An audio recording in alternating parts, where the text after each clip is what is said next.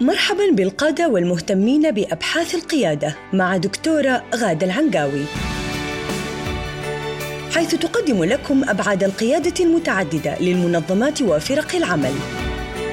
وتلتقي بكم كل أسبوع في لقاء شيق لطرح مفاهيم حديثة تثري رحلتكم القيادية. الدكتورة غادة أهلا وسهلا فيك في حلقة جديدة من حلقات بودكاست القيادة. تحدثنا في الحلقة السابقة عن اتجاهات تفسير القيادة. آه، في حلقة اليوم نتكلم عن القيادة بالسلوك في أرض الواقع. خلينا كمدخل آه، يا ليت يعني كمدخل تشرحين لنا أكثر عن نظرية السلوك القيادي الأخلاقي باعتبار أيضا إن كتابك حول أدوار القيادة الأخلاقية في التعليم العالي كمقدمة للموضوع في هذه الحلقة. تفضلي. أهلا وسهلا آه، في حلقة جديدة نعم.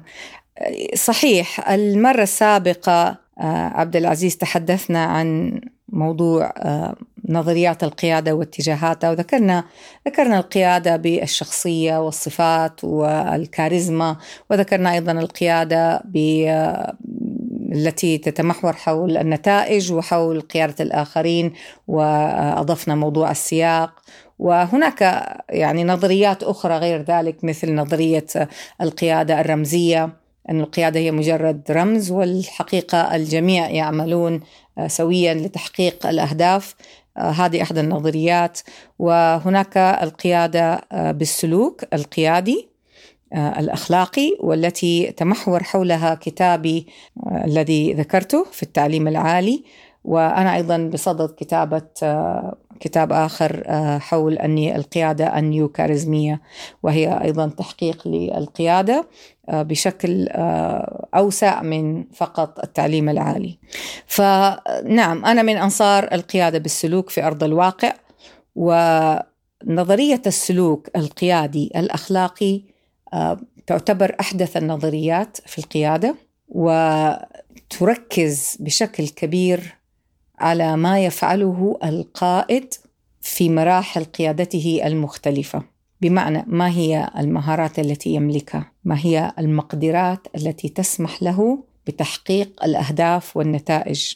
وأيضا عندما نقول أخلاقي هنا آه، نركز على قضية مهمة جدا وهي قضية المرجعية. في اتخاذ القرارات صغيرها وكبيرها والقيادة الأخلاقية هي أحد الاتجاهات في القيادة السلوكية وخلاصتها أن القائد يملك آه، مرجعية أخلاقية آه، تتمحور حول قيم آه، أخلاقية عالمية ومبادئ وتسمح له بأن يطلق قراراته مبنية على الأفضل للمجموعة والأكثر منفعة وتسمح له بتفعيل مفهوم الإيثار. وحنتكلم عنه إن شاء الله لما تجي يجي موضوع القيادة بالإيثار.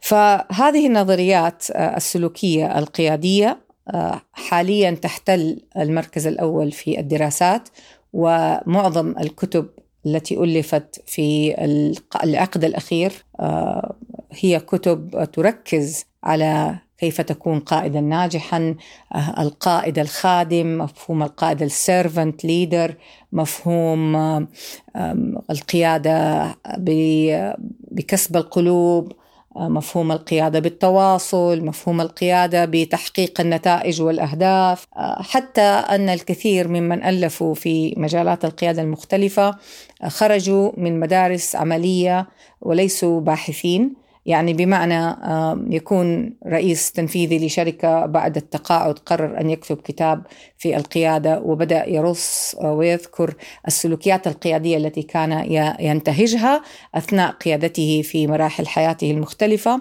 وانتشرت هذه الكتب آه، لأنها سهلة القراءة وتحكي قصص هؤلاء الناس ومواقفهم وتحكي نجاحاتهم. ففيما يبدو لي ليس فقط الاتجاه البحثي العلمي يركز على القياده السلوكية وانما أيضا اتجاه الكتابة للقيادات آه، بشكل أسلوب قصصي وبأسلوب آه، يعني يركز على نقاط معينة في التواصل، نقاط معينة في آه، طريقة أداء، طريقة التفكير، طريقة التفاعل، طريقة تحقيق الأهداف، كيف تحل المعضلات، كيف تواجه التحديات، ماذا تفعل في الأزمات، هذه كلها يعني نصائح عملية نتجت عن نظرية السلوك القيادي الأخلاقي. طيب دكتورة ما هي الأخلاق ولماذا القيادة الأخلاقية؟ الأخلاق نعم. الأخلاق كما ذكرت هي المورال كودز هي مفاتيح أو هي رموز عقلانية منطقية اتفق عليها البشر منذ من خلق منذ أن خلق الله الأرض ومن عليها تجدها في كل مجموعة. تجدها تتحقق في كل زمان ومكان تجدها تعمل في كل بلاد تجدها داخل مدينة معينة أو خارجها في القرية وفي المدينة.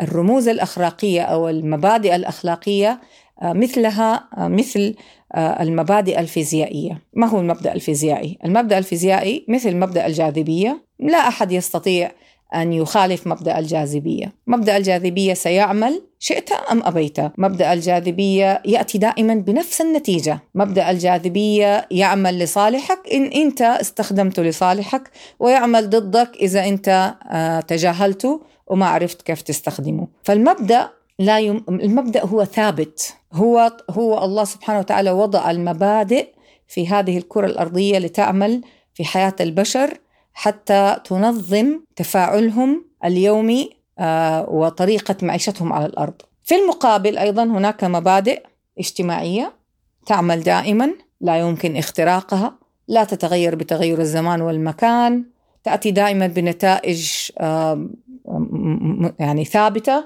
آه، إذا أنت استخدمتها في صالحك خدمتك وإذا استخدمتها ضدك آه، كانت سبب في هلاكك وفي خسارتك.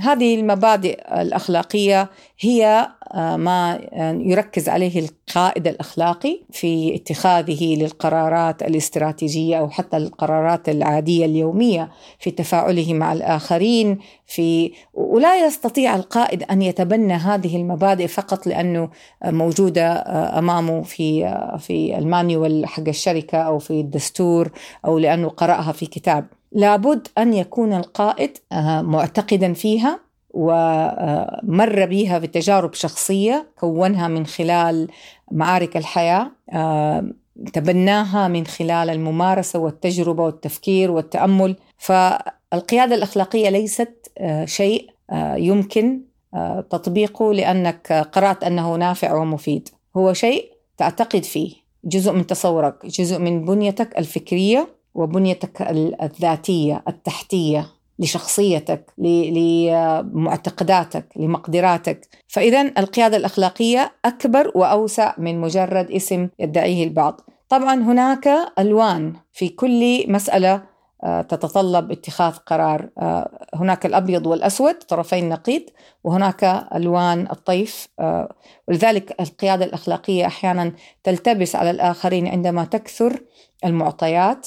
وهنا يحتاج القائد الأخلاقي الاستشارة والاستماع وأن يرجع إلى الخلف آه، خطوة ليتأمل الموقف من كذا زاوية ويستطيع أن يحكم عليه بحكم عقلي منطقي. وهنا يأتي دور التوجيه القيادي أيضا لأنه الموجه خارج الموقف وليست له مصلحة فيه وهو يسأل الأسئلة التي تساعد القائد على التوجيه التوجه آه، الأخلاقي في اتخاذ قراراته وهو القيادية. من هنا نشأت اهتماماتي بالقيادة الأخلاقية ومن حسن آه، يعني توفيق الله سبحانه وتعالى لي أنه كانت القيادة النيو كاريزمية جزء من مكوناتها الأساسية القيادة الأخلاقية. وإن شاء الله لما يجي وقتها حنشرحها أكثر. جميل. طيب دكتورة وانت تجيبين في الحقيقة يعني تملكني الفضول كيف توجهت الدكتورة غادة لدراسة هذا الفرع من العلوم الإنسانية اللي هو جانب السلوك القيادي الأخلاقي؟ أسأل يعني أنا توجهت لدراسة هذا الفرع من العلوم الإنسانية السلوك القيادي الأخلاقي. كما ذكرت في البداية هو انبهار أولا بالأداء القيادي في المنظمات الناجحة والفعالة وخاصة منظمات التعليم العالي.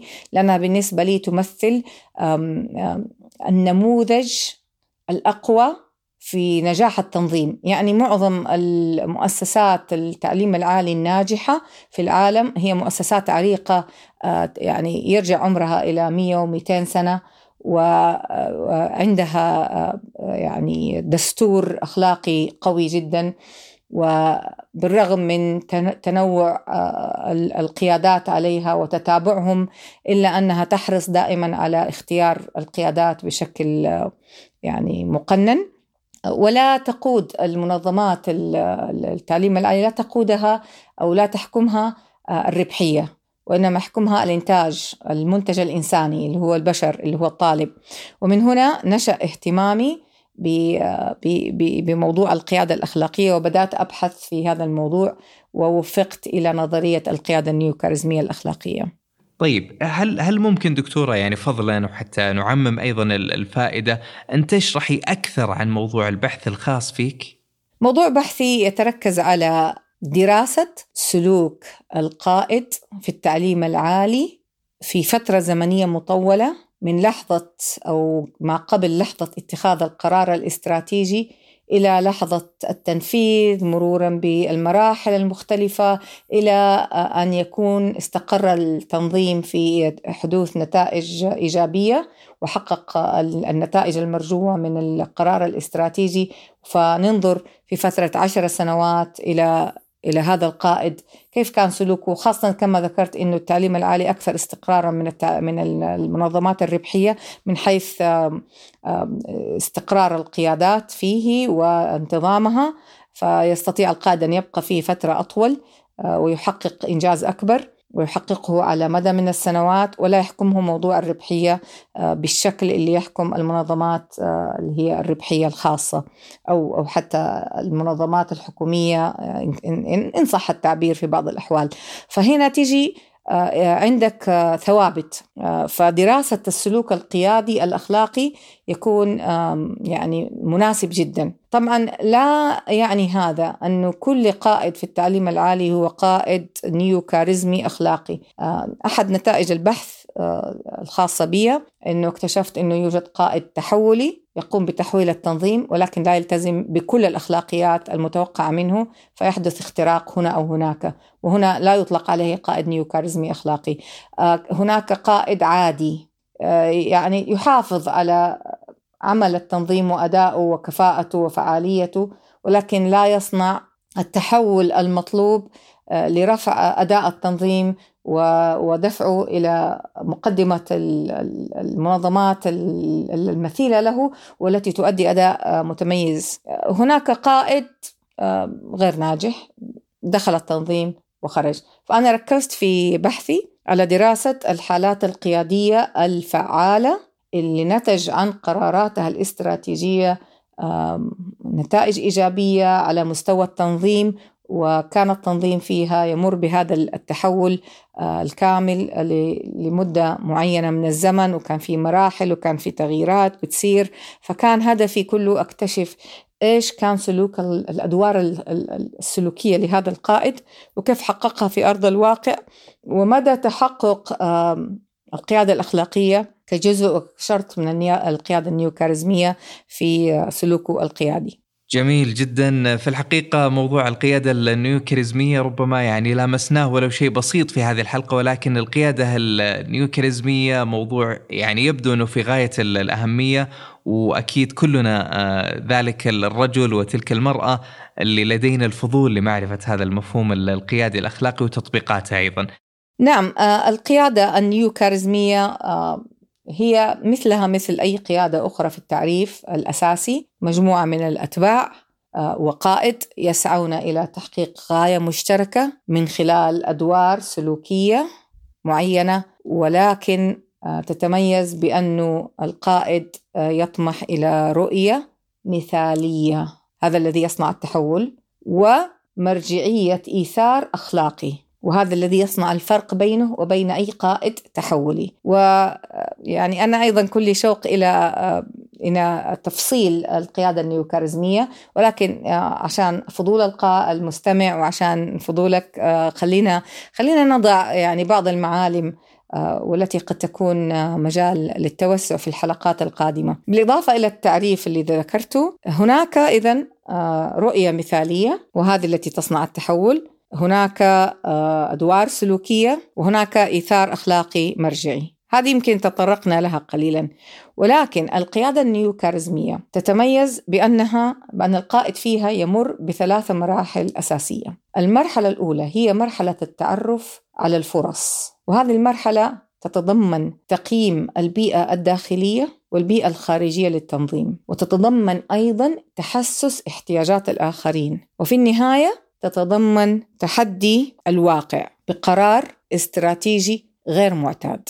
كما ذكرت فهي رؤية مثالية. في تلك الأثناء أو بعدها تدخل المرحلة الثانية والتي يتم فيها صياغة الرؤية المشتركة يعني القائد عنده رؤية مثالية لكنه لا يكتفي بها بل هو يطمح إلى صياغة رؤية مشتركة. ثم دور نشر الرؤية المشتركة. وفي المرحلة الثالثة وقد تتطابق المراحل وتتشابك في بعض الأحيان يأتي دور تنفيذ الرؤية المشتركة وهذه المرحلة تقتضي من القائد تقديم مخاطرات شخصية وسلوك غير اعتيادي وأيضا سلوك التحفيز والتشجيع والتعاون بتكوين فرق عمل والتواصل وأيضا تنمية القيادات المختلفة التي ستتصدر لتتولى التنظيم آه، في مراحل مختلفة. وهنا يأتي آه، الكثير من المفاهيم مرجعيات الأخلاقية